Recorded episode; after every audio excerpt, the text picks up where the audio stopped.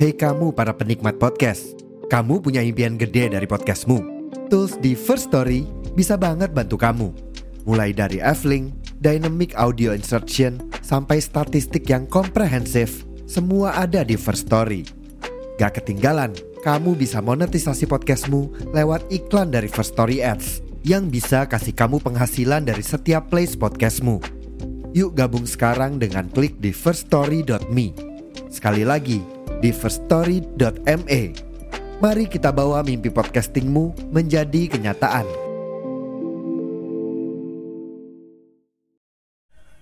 Di episode ini gue mau ngebahas suatu film yang gue saranin sih lu wajib nonton dan lu wajib nonton ini lebih dari sekali film India dan gue rasa kalau para Gen Z sekarang nggak banyak yang tahu gue mau bahas film Three Idiots.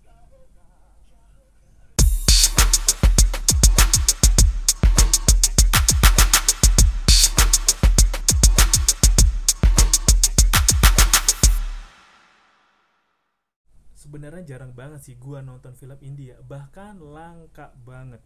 Tapi ini film gua pertama nonton itu kayaknya waktu kuliah deh sekitar 2013 ya atau 2012 ini film produksi 2009 2009 ceritain anak kuliahan di India. Ini menurut gua adalah film India yang nggak ngebosenin jogetnya nggak banyak musiknya oke ceritanya bagus nggak lebay masuk akal dan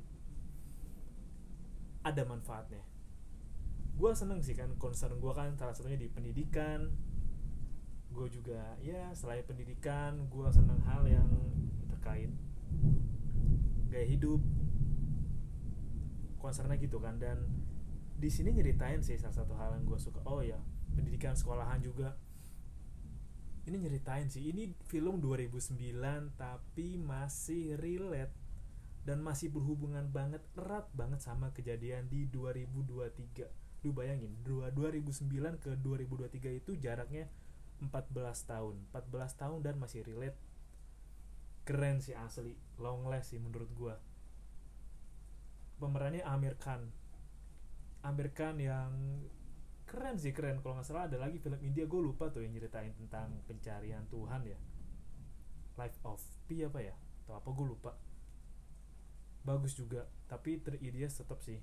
Film yang gue pikir ah paling tiga orang. Berkelakuan tolol doang anak-anak kuliahan tolol kayak ya model-model Jackass lah atau model anak-anak muda yang wih berandal berandal. Nah lu kalau dengar suara hujan di luar ya emang lagi hujan. Lu bisa dengar suara geledek suara hujan juga. Ini gue bikinnya malam-malam. Ini nyeritain sih ada tiga mahasiswa. Satu si Rancodas satu Raju satu lagi Farhan. Ketiganya sama-sama keterima di ICE ICE itu ibaratnya kayak ITB lah kalau di sini lah kampus terbaik di India yang nyetak insinyur.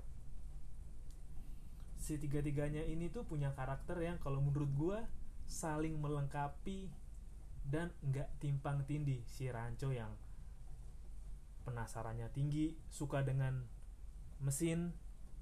Si Farhan yang bocahnya ya ya bocah tolol Farhan tuh asli tolol banget. Dia senengnya foto hewan tapi dia diminta orang tuanya buat kuliah insinyur si Raju satu lagi tuh orang yang diminta keluarganya untuk bisa perbaikin perekonomian keluarganya. Berat sih berat berat. Nah tapi gue akan masuk satu. Oh tambahan lagi. Ada dosennya mungkin kayak rektor kali ya namanya Virus Sastra. Siapa dipanggilnya? Pak Virus dan si Catur.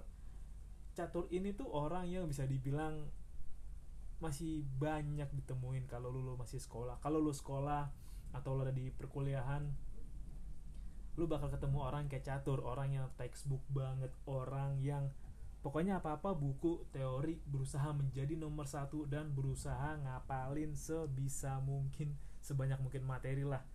Dan nggak segan-segan demi dapat nomor satu dia rela lakuin cara apa pun. Di hari pertama kuliah aja kan ada perkenalan itang ospek kan dari senior. Si Ranco juga langsung nerapin teknik teknik terapan. Bagus banget sih.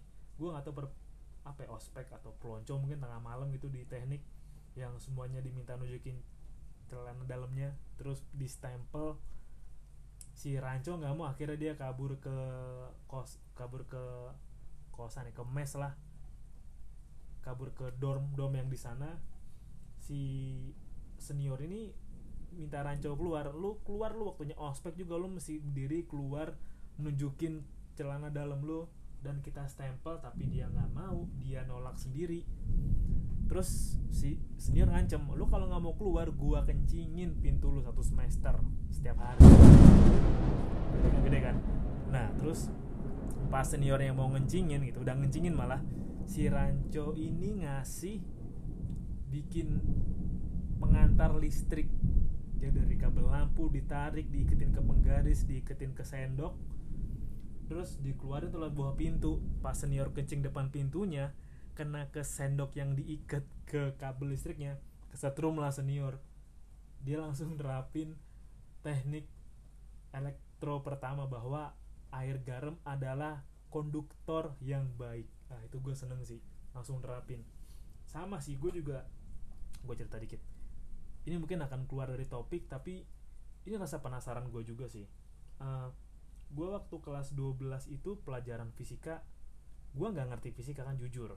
Kayak kita mesti belajar gelombang mesti belajar kecepatan gelombang laju gelombang gitu loh kayak amplitudo atau hertznya. Gue inget gue nanya sama guru gue pak ini kalau di radio bacanya gimana ya pak ya? Ini kalau buat diterapin di radio gimana ya pak ya terus ini kalau diterapin di dunia, dunia nyata kayak apa pak? Gue inget sih guru gue waktu itu nggak bisa menjawab pertanyaan gue dengan baik karena gue pengen tahu ini kenapa kita belajar? Kenapa kita belajar soal gelombang kenapa soal ini diterapin di dunia nyata kayak gimana? Apakah bisa langsung kita bisa ngerti caranya perbaikin benerin radio kah? Atau gimana caranya kita benerin speaker kah? Karena apa yang dipelajarin di sekolah itu juga ini bisa nggak diterapin di dunia nyata sama kayak gue pernah nanya ke dosen fisika gue uh, ini pertanyaan yang tolol tapi masuk akal kayak ada rumus menghitung percepat percepatan dan perlambatan kan. Jadi kalau mobil atau motor katakanlah motor melaju pada kecepatan 60 km per jam sedangkan kemampuan perlambatan atau rem ini adalah sekitar berapa ya? Tiga atau berapa? Itu gue lupa. Nah berapakah waktu yang dibutuhkan untuk motor sampai berhenti total? Gue nanya pak gimana caranya kalau motor bisa berhenti total dalam laju sekian kalau di depannya ada lubang. Katakanlah 5-10 meter depannya ada lubang. Ya nggak bisa dijawab. Gue nyari katain nggak gue gak katain tol tapi dikatain ya lu kalau mananya masuk akal lah. Masuk nanya kayak gitu. Sementara kalau lu belajar di lapangan di realita kan aspal kita kan nggak semuanya bagus pun juga kontur jalanannya kan nggak rata. Jadi kalau lu perhatiin kontur jalan kita tuh nggak rata tau. Nggak rata. Ada yang jalannya full aspal full aspal tapi nggak bagus-bagus banget. Dan juga ada juga jalan yang masih tanah. Nah itu kan untuk mengukur laju perlambatan di beberapa tipe jalan yang berbeda kan beda juga dong. Lo mesti tahu kekuatan atau perbedaan kontur tanahnya. Itu yang menurut gue agak pertanyaan sih kalau diterapinnya nggak bisa langsung plek ketiplek atau langsung terjun di realita ya kenapa dipelajarin? Kenapa nggak langsung ke ilmu teknik aja? Itu keresahan gue sih dari zaman sekolah sih. Gue suka nanya hal yang nggak penting gitu. Itu menurut gue penting aja di realita. Nah lanjut lagi. Dari awal udah begitu kan terus nah masuklah ke pembelajaran pertama di teknik. Jadi ditanya fungsi mesin itu apa? Dosen nanyakan ke mahasiswa. Akhirnya si dosen kaget ngeliat si ranco dia senyum-senyum gitu senyum-senyum seneng. Kamu kenapa senyum-senyum seneng? Nggak gue seneng bisa berada di kampus ini. Tanya nah, apa arti mesin? Mesin adalah alat apa pun yang mempermudah kehidupan manusia. Kita udah berga, berke, bergantung dengan mesin. Cuaca panas gerah mau yang adem. Nyetel remote AC klik AC nyala mesin. Kita mau nulis bingung pakai apa menerapkan apa yang kita mau pikirin atau tulis ada pulpen mesin. Shredding juga naik turun naik turun itu juga mesin. Kita udah terhubung dengan mesin. Dosennya bingung oh maksud lu apa sih? Gue minta definisi. Kata Ranco iya itu definisinya itu bukan definisi. Ada yang bisa definisiin ada si catur definisiin pakai buku banget plek ketiplek banget dosennya ngerti kan. Nah ini definisinya kayak gini nih. Terus si Ranco nggak terima ya udah lu jelasin pakai yang gampang. Keluar dari kelas gua. Idiot gitu. Pas Ranco mau keluar Ranco balik lagi. Langsung jelasin definisi mesin menurut dia secara teori. Lanjut perkuliahan terus berlanjut. Gue nggak bisa ceritain secara detail. Lu mesti nonton sendiri. Lu mesti dapetin kesenangannya nonton film ini. Menurut gue adalah film yang menyenangkan buat ditonton. Dan kalau lu masih sekolah dan dengerin ini lu bisa dapat pembelajaran yang bagus sih bahwa bener sih Ranco bilang pendidikan itu harus bikin orang bersemangat dan penasaran. Bukan harus menghafal bukan harus sesuai teori harus menggugah minat. Betul karena kalau lu belajar lu sekolah hanya ngapalin materi ngapalin buku apa bedanya lu sama keledai? Bilang gitu mas. Nggak menciptakan pemikir tapi lu menciptakan ya mesin. Lu menciptakan keluar menciptakan ya mesin. Barang. Bukan manusia yang berpikir bebas yang senang belajar cari tahu explore. Gue seneng sih. Sudut pandang pendidikan yang di terangin di situ. Nah bentar gue masih nyimpen gaya materinya? Jadi India itu pernah punya satu orang ahli. Ah gue gak nyimpen ntar aja kapan deh gue jelasin deh. Filmnya menyenangkan buat ditonton karena lu belajar gitu. Lu akan belajar di lingkungan sekolah yang ada tentunya sekarang sudah berbeda atau mungkin juga masih ada yang sama nerapin kali ya. Nerapin pendidikan yang lu harus apa sesuai buku? 2 tambah 3 sama dengan 5 5 diperoleh dari 2 tambah 3 nggak boleh dari 2 tambah 2 tambah 1 6 tambah 1 kurang 2 nggak boleh. Pokoknya harus 2 tambah 3 masih ada yang nerapin kayak gitu. Ya kayak gitu menurut gue sih salah. Karena ada banyak jalan menuju Roma. Ada istilah gitu ada banyak jalan menuju Roma. Lo bisa jalan kaki terbang roket atau mungkin pakai mesin waktu pintu Doraemon apa pun kan banyak caranya. Yang penting tujuannya sama. Asal cara menggapai atau cara ketujuannya adalah yang baik.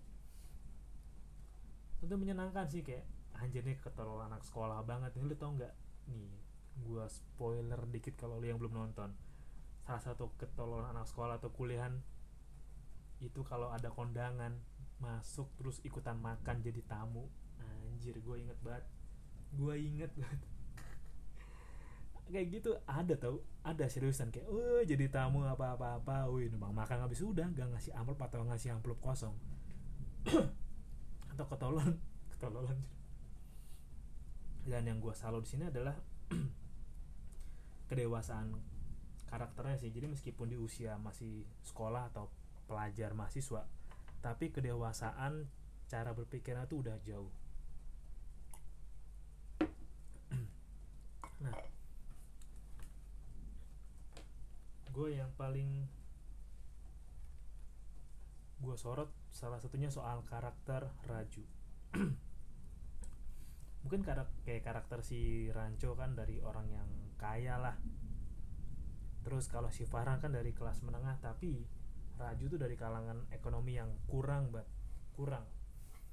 Kebayang sih kayak punya bapak pensiunan terus sakit stroke punya ibu yang juga udah kayaknya nggak kerja lagi ibunya deh.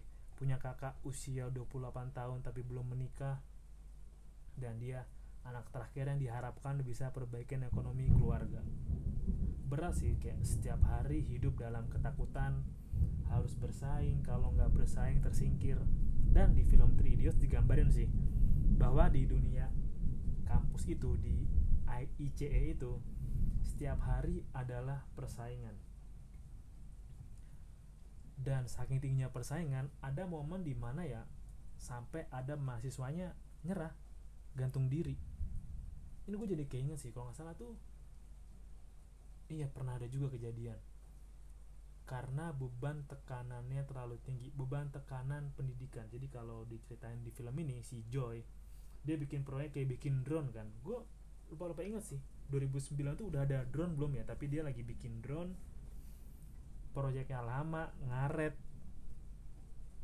sebentar lagi jadi tapi si rektornya si virus nge do si Joy karena sudah terlalu lama melebihi tenggat waktu yang ditentukan. Pada si Joy percaya kalau dia bikin drone ini akan menjadi inovasi yang bagus buat ke depannya. Ya si drone itu akhirnya dibuang Joy ke tempat sampah, diambil sama Ranco, dibenerin sampai jadi berhasil dan diterbangin. Tadinya mau diterbangin gitu kan ngelihat, "Woi Joy, lihat nih drone lu udah berhasil nih, lihat nih lu udah bisa bangga karya lu tuh udah berfungsi pas nerbangin drone ke mes eh ke dorm dormitorinya si Joy. Si Joy kelihatan gantung diri. Pahit banget itu pahit banget.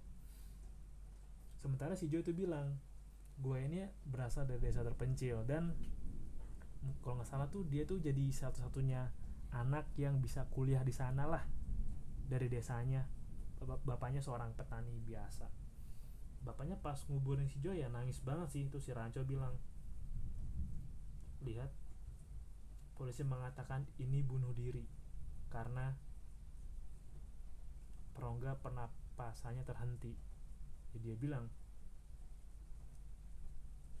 ya mungkin dia masih belajar tekanan 4 tahun. Itu yang belajar di usia dia di usia atau lama waktu yang mesti dia jalanin 4 tahun untuk belajar. Tapi lu nggak tahu kan 4 tahun beban yang ditanggung di kepalanya overthinkingnya kekhawatirannya ketakutannya semua.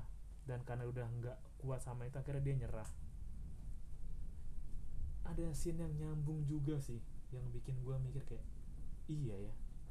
Wah anjing nih film sih film yang harus lo tonton minimal satu kali seumur hidup. Gue nggak tahu lo bakal denger ini kapan mau bulan depan tahun depan 2, 3, 4 tahun lagi.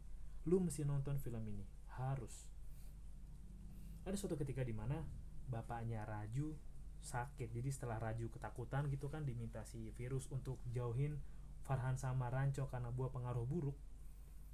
Atau ya buah pengaruh buruk akhirnya si Raju jauhin lah tapi suatu ketika dikabarin bahwa bapaknya Raju sakit dan mesti dibawa ke rumah sakit.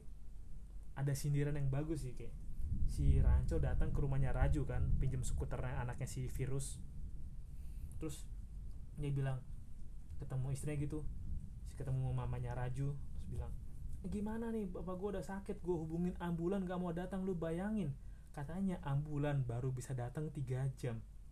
Sementara lu kalau pesan pizza sekarang 30 menit kemudian pasti sampai. Anjir lu bayangin. Lu telepon ambulan 3 jam kemudian baru datang tapi lu bandingin dengan pizza, pesan pizza 30 menit pasti nyampe. Gokil sih. Asli itu dalam sih. Akhirnya karena bapaknya udah urgent harus dibawa ke rumah sakit bonceng bertiga lah tuh. Raju Farhan sama bapaknya si eh si Ranco. Farhan tengah-tengahnya bapaknya Raju naik motor skuter bertigaan ke rumah sakit.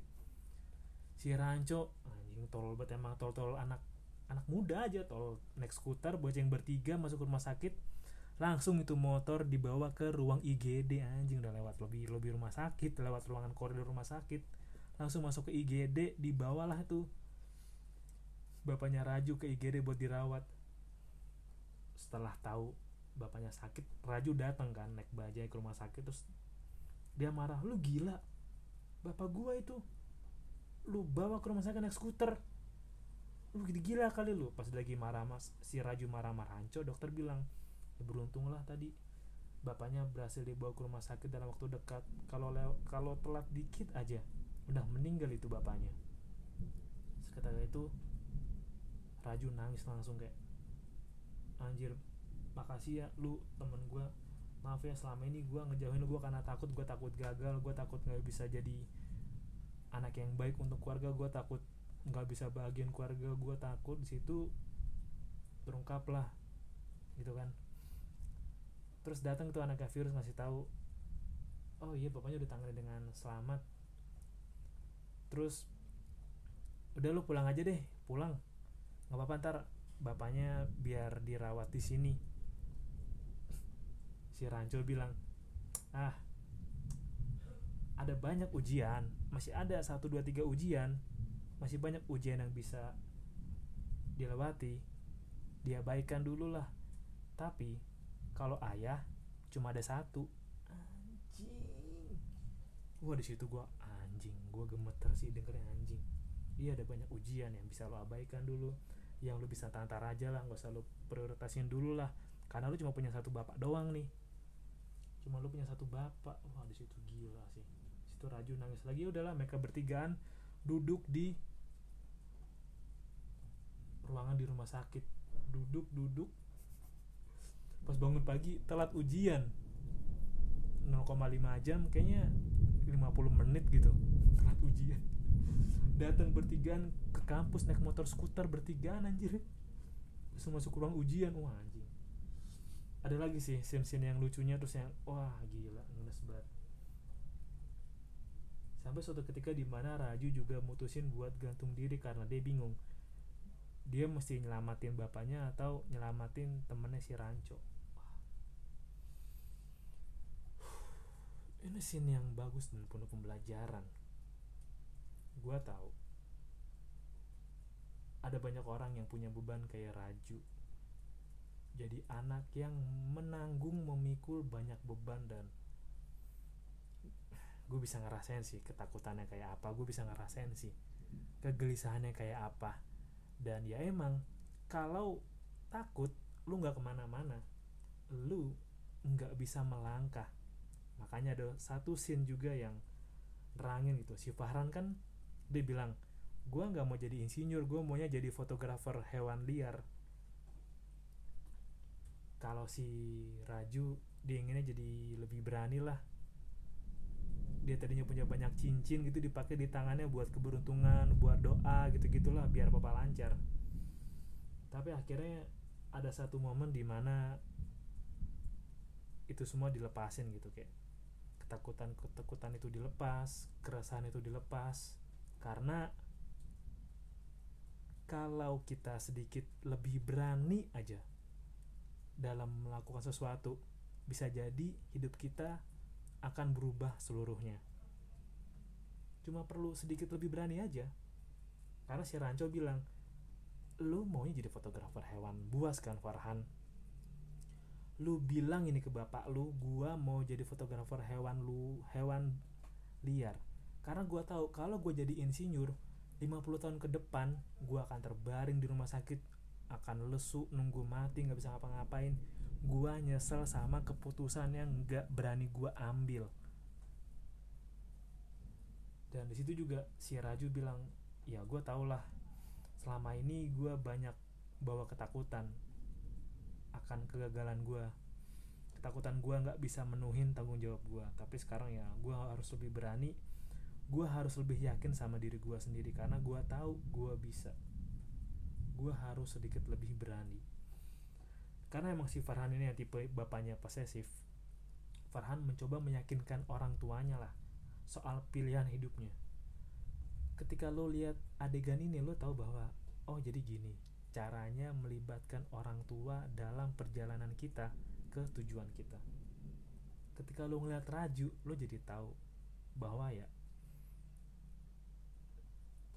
yang menghalangi kita tuh sebenarnya ketakutan kita. Kita sebenarnya mampu kita sebenarnya bisa tapi kita banyak takutnya. Karena kita banyak takutnya jadi kita nggak bisa berpikir dengan logis.